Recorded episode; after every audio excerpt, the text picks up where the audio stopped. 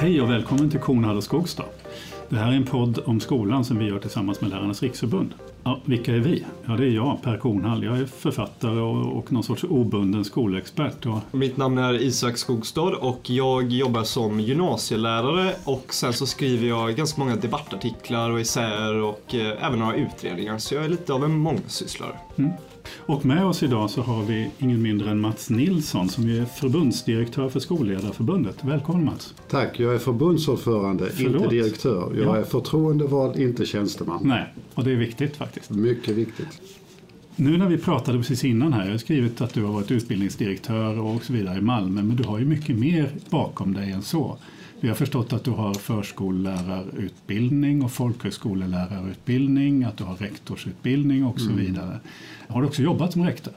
Oh ja, jag började ju som eh, skolledare, min befattning inom Statens institutionsstyrelse, som pedagogisk ledare att bygga upp grundskolor och gymnasieskolor för barn och ungdomar som var tvångsomhändertagna. Mm. Och den statliga uppdraget jag hade där, det ledde ju över till att jag blev rekryterad till en gymnasieskola. Började som biträdande rektor på en gymnasieskola i Sölvesborg, Furulundsskolan. Mm. Fantastiskt bra skola vid den tiden. Och eh, sedan blev jag också rektor där, bland annat för vuxenutbildningen. Och sen rekryterades jag till Lund och var rektor för den kommunala vuxenutbildningen i Lund. Och sen blev jag rekryterad som utbildningsdirektör till Malmö. Mm. Men man kan säga från 95 lämnade jag det internationella arbete jag höll på med tidigare för att bli skolledare. Ja, just det. Du har jobbat åt Afrikagrupperna.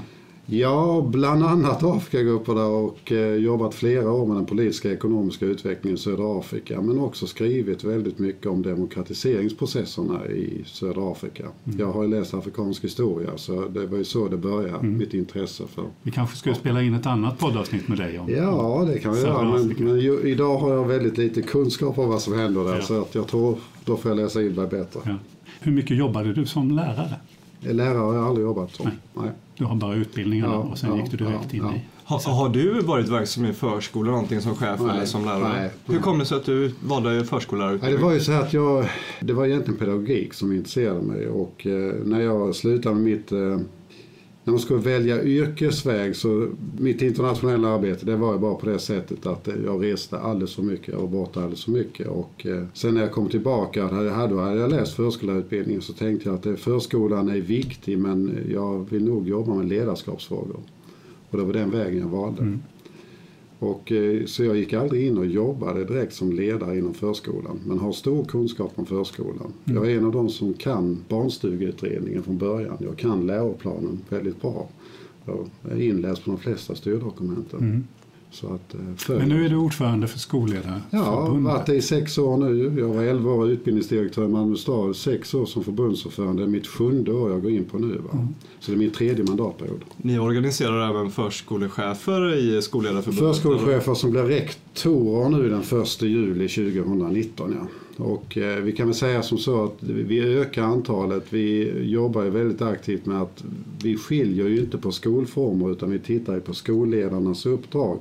Och nu har ju även rektor, som det blir i förskolan, ett läroplansuppdrag och ett skollagsuppdrag. Det hade man ju inte tidigare och det har man nu. Så för oss jobbar vi med samtliga skolformer. Den skolformen som vi har flest i det är ju gymnasieskola, grundskola och eh, förskolan växer vi i men där är vi fortfarande förhållandevis små men vi blir större för varje månad. Ja, det finns två sådana här ska säga, övergripande frågor som jag ibland funderar över. Det ena är varför finns det två förbund av allting i svensk skola? Alltså det vill säga, för det finns ju också ett skolledarförbund innanför Lärarförbundet ja. och sen så har vi då två olika fackföreningar för mm. lärare, i alla fall två stora. Är det här bra eller är det dåligt? Eller vad? Ja, det är en högst relevant fråga du ställer. Jag tror att eh, i vårt fall så skulle det ju vara väldigt bra om vi var ett förbund för skolledare. Jag gör ingen skillnad i det va? och jag tror generellt sett, men det som var den stora skillnaden för oss, att vi lämnade samverkansrådet med lärarna, det var ju att vi inte ansågs vara företrädare i löneförhandlingar på ett korrekt sätt. Vi trodde inte på den förhandlingsmodellen som vi hade inom Lärarens samverkansråd. Vi trodde heller inte på att vi var en del i förlängning av profession av lärare utan vi såg oss som en egen profession. För det är ju nästa fråga som egentligen är intressant. För ja, det är inte i alla länder man ser det så. Nej, och det är, vi gör ju det väldigt starkt. Och där, när vi valde att lämna, det var ju före min tid som förbundsordförande och det är ju drygt tio år sedan vi lämnade Lärarens samverkansråd. Vi står ju inom ramen för Akademikeralliansen. Vi är ju ett SACO federationsförbund och det innebär ju att vi tror ju på den lönebildningsprocess vi nu är inne i. Men däremot din fråga tycker jag är väldigt intressant att skolledare generellt sett borde vara ett förbund i Sverige. Va? För att stärka vår röst ytterligare. För så många är ni ju inte. Grunden tycker jag också med lärare. Va? Lärare borde vara ett förbund för att stärka sin röst. Men sen finns det olika intressekonflikter mellan eh, federationerna och eh, det är de man måste komma förbi.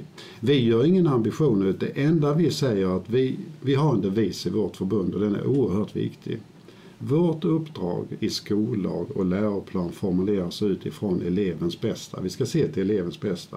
Men vi har också devisen att alltid se läraren som mycket viktig. För oss innebär det att alltid tala väl om läraren. Va? Och inte på något sätt se därför läraren har den största betydelsen för elevens resultatutveckling och rektors uppdrag är att organisera det. Men när det gäller den fackliga delen så ser vi att vi har vunnit oerhört mycket på att lämna lärarens samverkansråd. Vi tittar på löneutvecklingen och vi tittar på revisionsutrymmet så har vi vunnit på det. Så jag vill ändå säga att vi skulle kunna vara ett fack men vi skulle nog vara ett ledarfack för skolledare inom förskola, skola, förvaltning, statliga myndigheter som vi också organiserar. Får jag bara fråga, jag noterade nu att du sa att eh, ert huvudsakliga syfte är att säkerställa att alla elever och barn då får bra utbildning. Ja, förstår ja. Men det är återkommande kritik mot facken, även Lärarnas riksförbund och Lärarförbundet och Skolledarförbundet och allt vad det är, att man helt enkelt eh, prioriterar barnen först och att man då istället eh, som fackförbund faktiskt borde värna lärarna först, även om det skulle innebära kanske till och med i vissa fall försämringar i utbildningskvalitet eller mängd på undervisning eller vad det är. Alltså är inte ert huvudsakliga uppgift att se till att rektorerna får det bättre och inte mm. barnen helt enkelt? Och det är det jag ägnar alla timmar i veckan åt. Så att jag vill bara, du har helt rätt att om det uppfattas, jag tror inte vårt förbund uppfattas så. Vi pratar väldigt, vi pratar om elevens rättighet ska rektor företräda. Det är en grundpelare i vår yrkesetiska plattform. Men i vårt fackliga arbete så är det precis det du är inne på. Vi och jag ytterst, och alla våra förtroendevalda, vi företräder bara våra medlemmar. Det är alltså rektorer, skolchefer, biträdande rektorer och där pratar vi lön, arbetsmiljö, bara. Så jag tror man får inte blanda ihop det här. När jag säger det företrädarskapet så är det ju det som styrdokumenten ger i uppdrag. Och det är där vi tittar på förutsättningar för rektor att utföra sitt arbete. Men vi, eleven går vi väldigt lite in på i det fackliga arbetet men däremot i den yrkespolitiska plattformen så är det väldigt viktigt att rektor kan utföra det lagen säger och förordningen ger i uppdrag. Får jag vända tillbaka till den här lite filosofiska frågan ja. i början om rektorer är en egen profession. För i många länder så är det head teacher och då är det, det finns till och med system, länder där man har roterande rektorskap bland lärarna och så vidare. Men naturligtvis i de flesta länder så har inte rektorer den här lönesättande chefsrollen. Är det det som gör att det är så viktigt att man separerar lärare och rektorer? Alltså, alltså jag kan bara fundera på om skolan kanske vore starkare om det vore en röst Ja, jag, jag tror alltså eh, inte på att en röst i det förhållandet, alltså skolan som samlad form i en röst är bra. Men när vi tittar på de olika fackliga perspektiven så tror jag man måste titta på behoven och förutsättningarna separerat. Lärare har särskilda behov och förutsättningar, rektorer har en annan. Va? Ibland är de lika, ibland är de olika. Jag vill bara säga att professionsbegreppet för oss, det kommer ju vi att presentera här till sommaren, en beskrivning av vad det innehåller. Och vi ser ju egentligen inte, och vi, det är otroligt viktigt att 95 procent av landets skolledare kommer med en lärarbakgrund. Va? Så vi ser ju ingen konflikt mellan skolledare och lärare i organiseringen i det dagliga arbetet. Men däremot i det fackliga arbetet så är det oerhört viktigt. Och du har helt rätt att i många anglosaxiska länder så har man ju sett det som en förlängning av läraryrket, det här med att vara skolledare. Men vi ser fler och fler länder som skriver särskilda standards för vad innebär det att vara rektor. Vad ska en rektor kunna? Och det är det kunnandet vi är ute och letar efter för att stärka ledarskapet. Och det kunnandet, så jag satt ju själv som expert i, i professionsutredningen och då tog jag fram de här standardsen som man har internationellt. Vad ska en rektor kunna? Vad ska en lärare kunna? Det är två olika kompetenser och kunskaper. Och det är där jag tror Sverige, vi har fallerat, att vi stärker inte de två under yrkeskarriären och vi stärker dem kanske inte tillräckligt i grundutbildningen heller. Mm. Under... Men däremot, jag vill bara säga innan, mm. det är ändå viktigt att du måste som skolledare idag ha, vara väl förtrogen och kunnig i lärarnas förutsättningar och uppdrag. Mm. Det är viktigt. Jag tror att det var under 90-talet som man tog bort kravet på att rektorer ska ha pedagogisk kompetens eller lärarutbildning. Det var på modet egentligen att eh, rekrytera rektorer väldigt mycket från militären och det var väl också i samband med många regementsnedläggningar och sånt för man fokuserar just på ledarskapsförmågor. Hur ser du på det? Är det viktigt att man som rektor har bakgrund som lärare eller pedagogisk utbildning eller handlar det mer om ledarskap som man kan förvärva i andra yrken? Jag, jag eh, bara kommenterade, jag är så pass gammal så jag var med vid den här stora förbandsnedläggelsen i Sverige och jag var också med och tog del av den utvärdering man gjorde av alla officerare som blev skolledare. Skolverket och Försvarsmakten gjorde ju en stor utvärdering runt 2000-talets början om hur det gick. Va?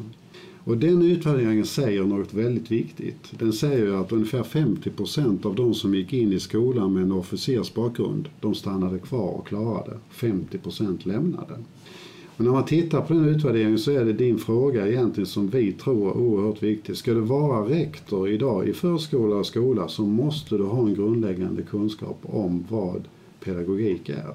Vad undervisning är om du jobbar i en skola och hur undervisningen, så att säga, didaktik och metodik fungerar. Va? Så att vi säger ju inte att du måste vara lärare, men du måste ha den grundläggande kunskapen. Och vi är, med glädje tycker vi även Skolinspektionens skärpning på förutsättningar och krav för att bli rektor som man kom nu bara för två år sedan är väldigt bra. Vi tror inte att det är en ledarskapsfråga utan det handlar också om en internalisering där du förstår vad metodik och didaktik är. Det här är en väldigt intressant fråga för ibland får vi, man ju höra från vissa debattörer i samhället att skola ska drivas som ett företag, det vill säga att det är en, det är en annan typ av ledarskap där, där man som, som jag som lärare, gammal lärare och, och sånt kan känna att, att man är väldigt, väldigt fel ute, det vill säga att man har ett, det finns en st mycket större kunskap och komplexitet i undervisningsvärlden mm. i skolans uppdrag ja. som de här debattörerna då missar.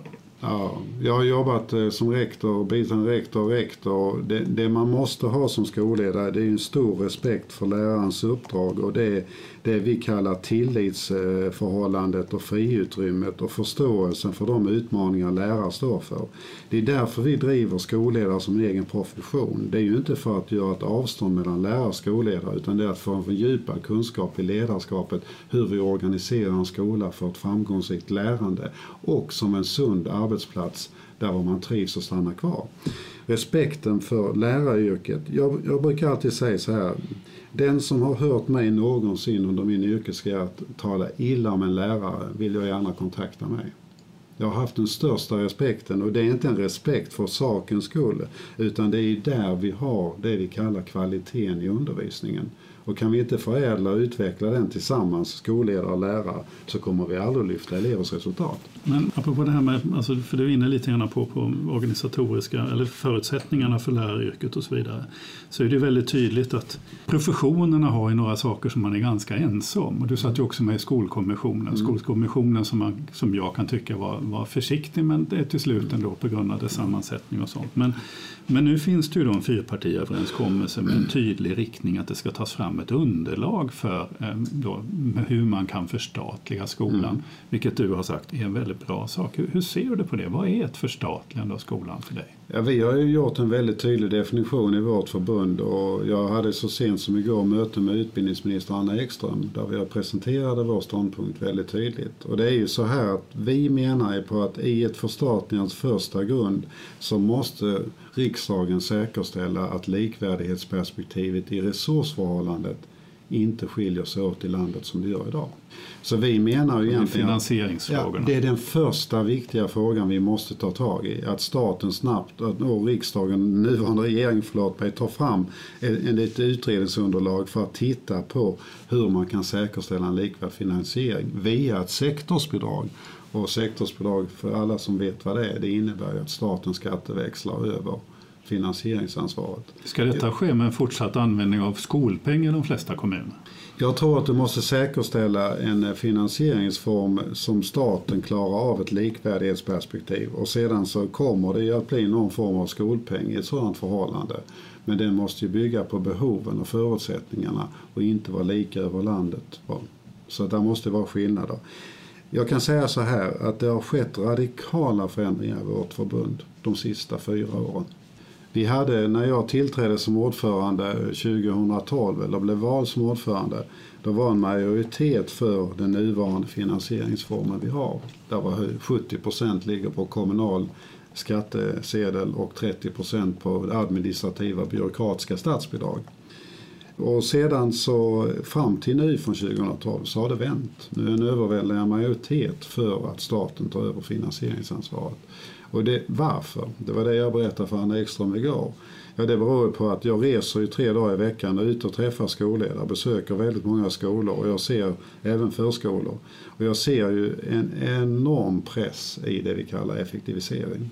Man drar ner grundresursen samtidigt som staten satsar 3 miljarder så sänker kommunerna sin ambitionsnivå. Och det här är allvarligt. Så att jag är oerhört bekymrad när det gäller denna frågan och därför är den viktig att vi får fram en utredning snabbt. Vilket vi även föreslog i Skolkommissionen. Mm. Och jag är glad att, att nu den här 73-punktsöverenskommelsen har med den frågan. Alla är överens om att läraryrket har en bristfällig attraktivitet och eh, många lärare, det är höga sjuktal vad gäller psykisk ohälsa. Många går in i väggen och känner att de har för stor arbetsbörda. Ett konkret förslag som, eh, som jag tidigare i alla fall har föreslagit är ett återinförande av undervisningsskyldigheten, USKen då, för att begränsa antalet timmar lektionsundervisning då som lärare kan åläggas. Och jag tänker att utifrån ett skolledarperspektiv, ja det är klart att ni i mångt och mycket har undermåliga förutsättningar och som du nämner bristfällig ekonomi och dåliga styrsystem. Men har inte skolledare också ett viktigt ansvar att säkerställa exempelvis att det är bra arbetsförhållanden för sina lärare? Borde inte skolledare kanske driva lokalt USK på sina skolor? Jag har tidigare jobbat på en skola där vi hade maxtak i undervisningstimmar och alla var väldigt nöjda med det. Kan inte det vara någonting som man kan driva på sin skola som rektor?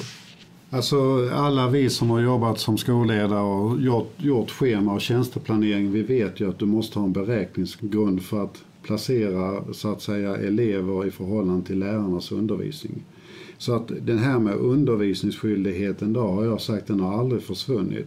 Alla tjänstefördelningar i alla skolor bygger på att du har en beräkningsgrund.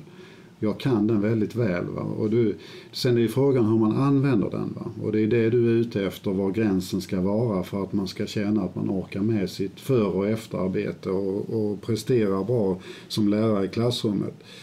Jag tror att vi måste, alltså USKen, jag tror att framtidens utveckling handlar om att vi tar bort gamla begrepp och börjar prata om det som är kvalitet. Och för mig är kvalitet att en lärare måste ju vara med i dialogen om sin arbetsmiljö. Tänker du på möten? För det är också ett problem att man har möten ja, hela tiden. Jag ska ge ett exempel. Alltså, vi, jag tror att vi, vi har precis det du säger. Vi har brist på lärare. Vi kommer ha en stor brist de kommande åren, kompetensbrist. Vi har eh, många lärare idag som känner sig väldigt arbetstyngda. Många skolledare känner sig väldigt arbetstyngda. Vad gör vi åt det här? Ja, mitt förslag, nu talar jag mer privat. Va? Jag ser att vi måste tillbaka till en dialog. Eh, ni hade ju en fråga till mig som ni inte har ställt ännu. Men eh, att vara arbetsgivare eller vara facklig, för mig handlar det om att samverka. Mår lärarna inte bra, då har vi ett försämrat resultat bland eleverna. Och ska vi vinna tillbaka elevernas resultatutveckling då måste vi få lärarna att må bra och hinna med. Så jag, jag tror att de lärare som vill undervisa mer, de ska få göra det om de själva vill och göra det i dialog tillsammans med sin rektor. Men det är väl en helt annan sak? Jo, så... men jag säger det att det här med att lägga tillbaka USKen, den finns redan idag i alla tjänsteplaneringar. Men det som har hänt, och det är det som Isak är inne på här, det har kommit in så många andra parametrar. Det är möten och det är att man har rastvaktsverksamhet. Men det kan Men det är, inte hela, det är inte hela sanningen heller därför att USKen hade ju den funktionen att Eh, nu ska jag säga att jag kanske inte tror att USK fungerar på, på lägre stadier. Vi kanske behöver göra olika för olika. Nya former. Alltså olika, ja, det ska ja, se ja. olika ut om man skulle införa det. Men, men för de högre stadierna så innebar det i alla fall att en lärare kände att jag har rätt att säga nej. Ja. Medan nu ska det, varje lärare enskilt föra en dialog med sin rektor. Ja. Och man blir alltså utlämnad till det godtycke ja. som varje rektor har. Istället som, för att man känner att man har en rättighet, mm. man kan skydda sitt frirum.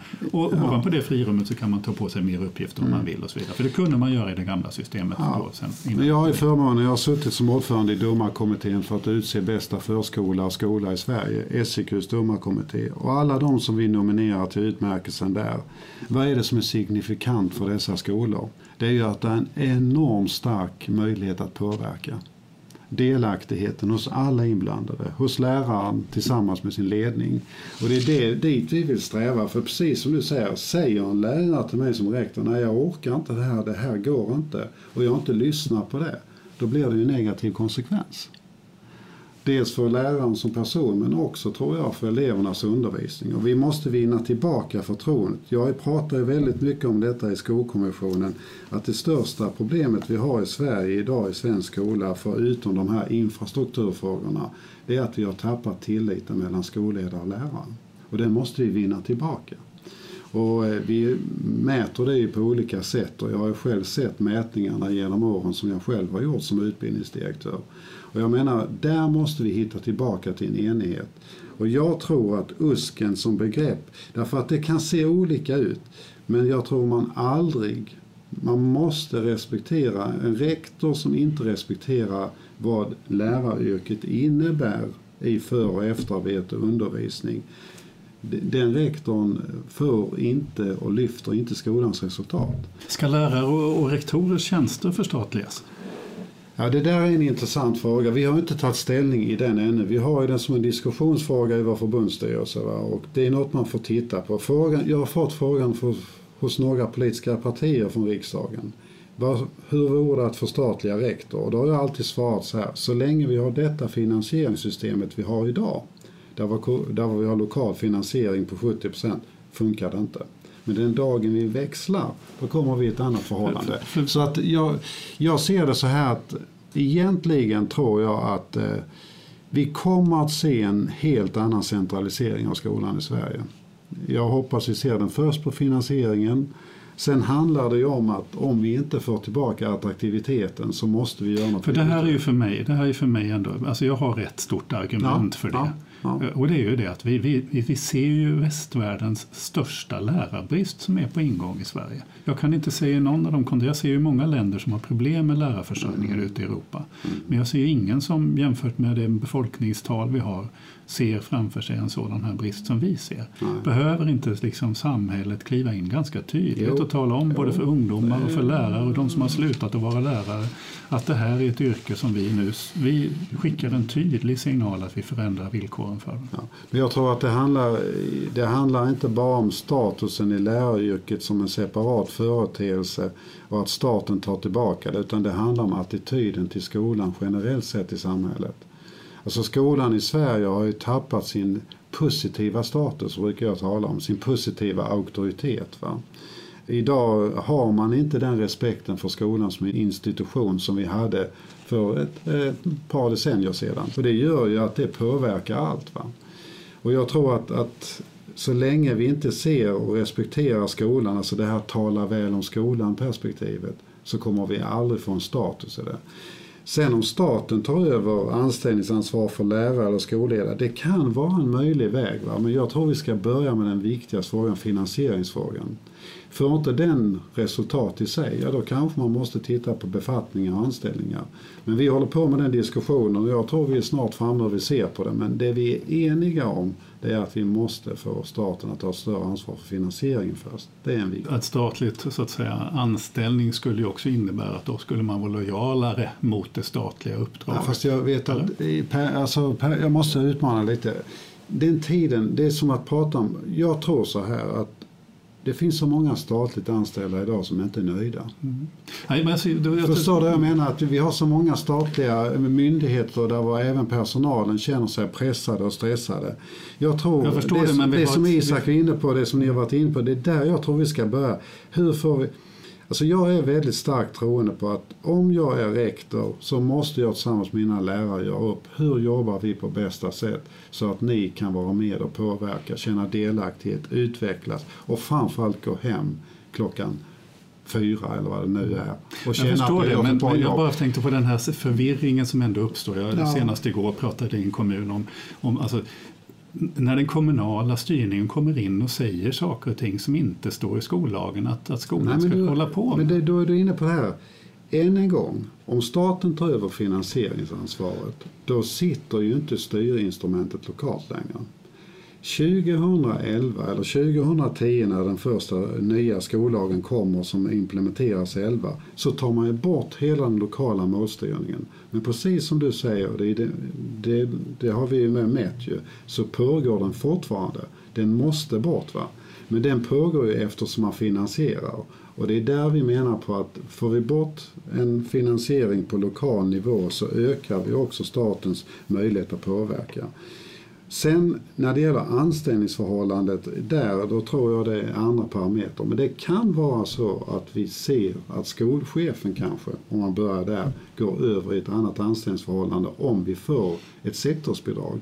Så hade vi det innan. Skolchef som är statligt anställd ja, som ja. ska leda som ska anställa kommunalt anställda rektorer. Ja, fast... Jag, jag, ja. Intervjun lider mot sitt slut men jag tänkte ändå... Jag, har en fråga sen. Ja, absolut Per. Det är klart du ska få ställa din sista fråga också. Men jag tänkte bara fråga dig. Skolledarförbundet har varit, enligt mig i alla fall, förhållandevis tysta vad skolmarknaden beträffar.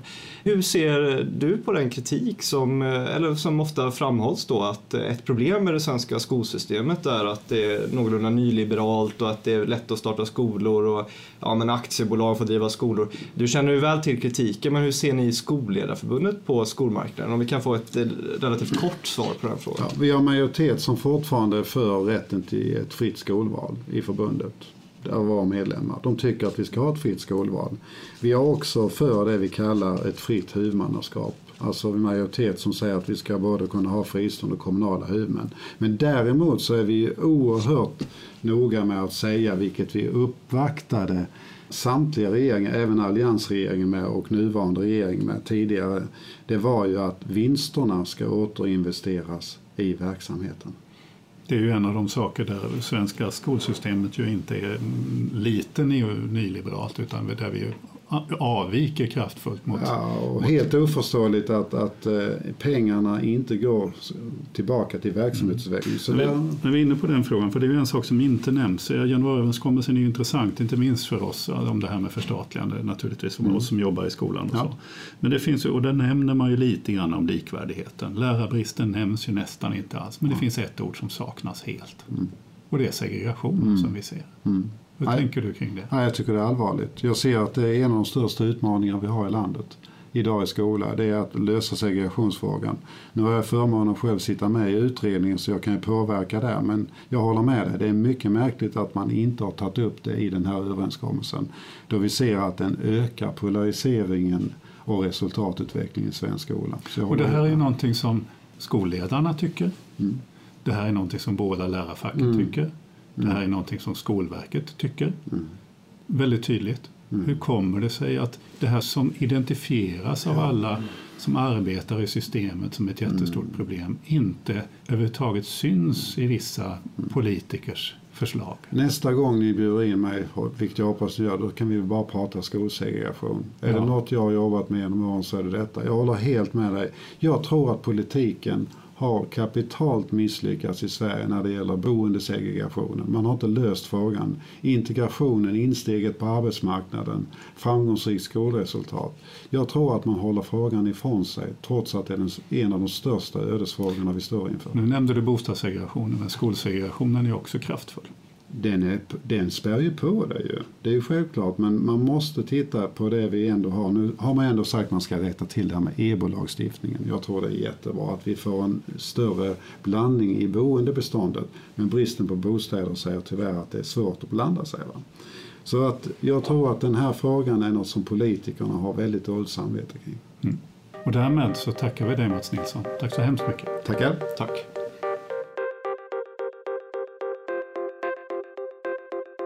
Jaha, då har Mats gått.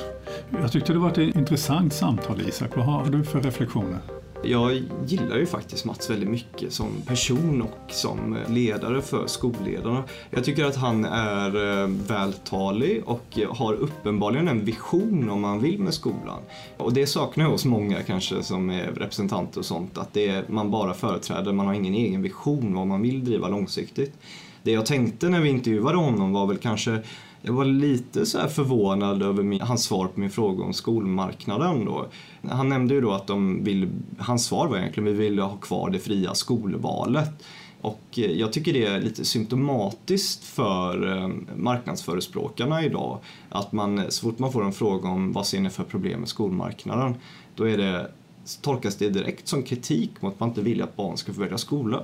Jag personligen, jag tycker att det finns problem med skolmarknaden men jag tycker också att man ska få välja skola men jag tycker att man också måste diskutera de negativa incitamenten som uppstår i ett ekonomiskt system med exempelvis skolpeng och valfrihet och vinstdrivande aktörer. Mm det måste ju diskuteras även om man fortsatt är för ja. Ja. att få välja. Ja. Nej, men jag håller med, det blir någon sorts ryggmärgsreflex hos väldigt många. Så fort man kritiserar systemet, vilken del som helst, så är det skolvalet som dyker upp. Mm. Jag funderar på en sak, därför jag tycker tycker också väldigt mycket om Mats som person. Han uttrycker väldigt tydligt och det är, väldigt, eh, det, det är någonting som verkligen är en del av hans identitet, att han verkligen respekterar läraryrket. Han har den typen av bakgrund och sånt. Han tycker att undervisning och undervisningsskicklighet är någonting som är en fantastisk egenskap. och sånt där. Det enda jag funderar på, är det så att han, har så, han tycker så bra om läraryrket då, så att han blir lite blind för vad som faktiskt pågår ute på våra skolor ibland?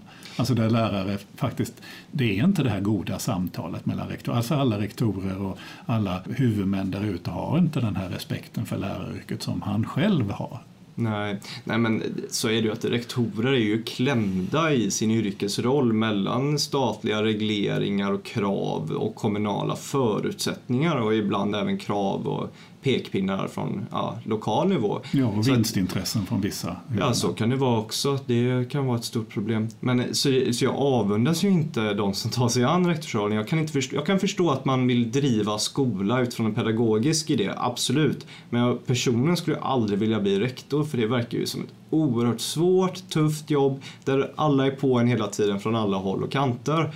Ja, Mats nämnde ju att han är ute och reser mycket så han får ju säkert möta många skolor och naturligtvis så läser han ju också och alla som läser om skolfrågan vet ju att lärarnas situation ser jobbig ut. Jag kan tycka att det är förvånande att man exempelvis tar aktivt motstånd mot eh, mer centralt reglerade, exempelvis USK och sånt. För att det kan ju även vara ett verktyg för rektorer att använda gentemot sina huvudmän alltså. Om det är ett skolföretag mot företagsledning, om det är en kommunal rektor mot eh, kommunfullmäktige och allt sånt. Alltså, jag tror att statliga regleringar väl utformade på ett sätt som gynnar parterna kan vara en viktig faktor för att skydda såväl lärare och skolledare. Ja, jag håller med. Vi sätter punkt där för dagens avsnitt. Ja, vi tackar för alla som har lyssnat. Ja, tack och välkomna åter.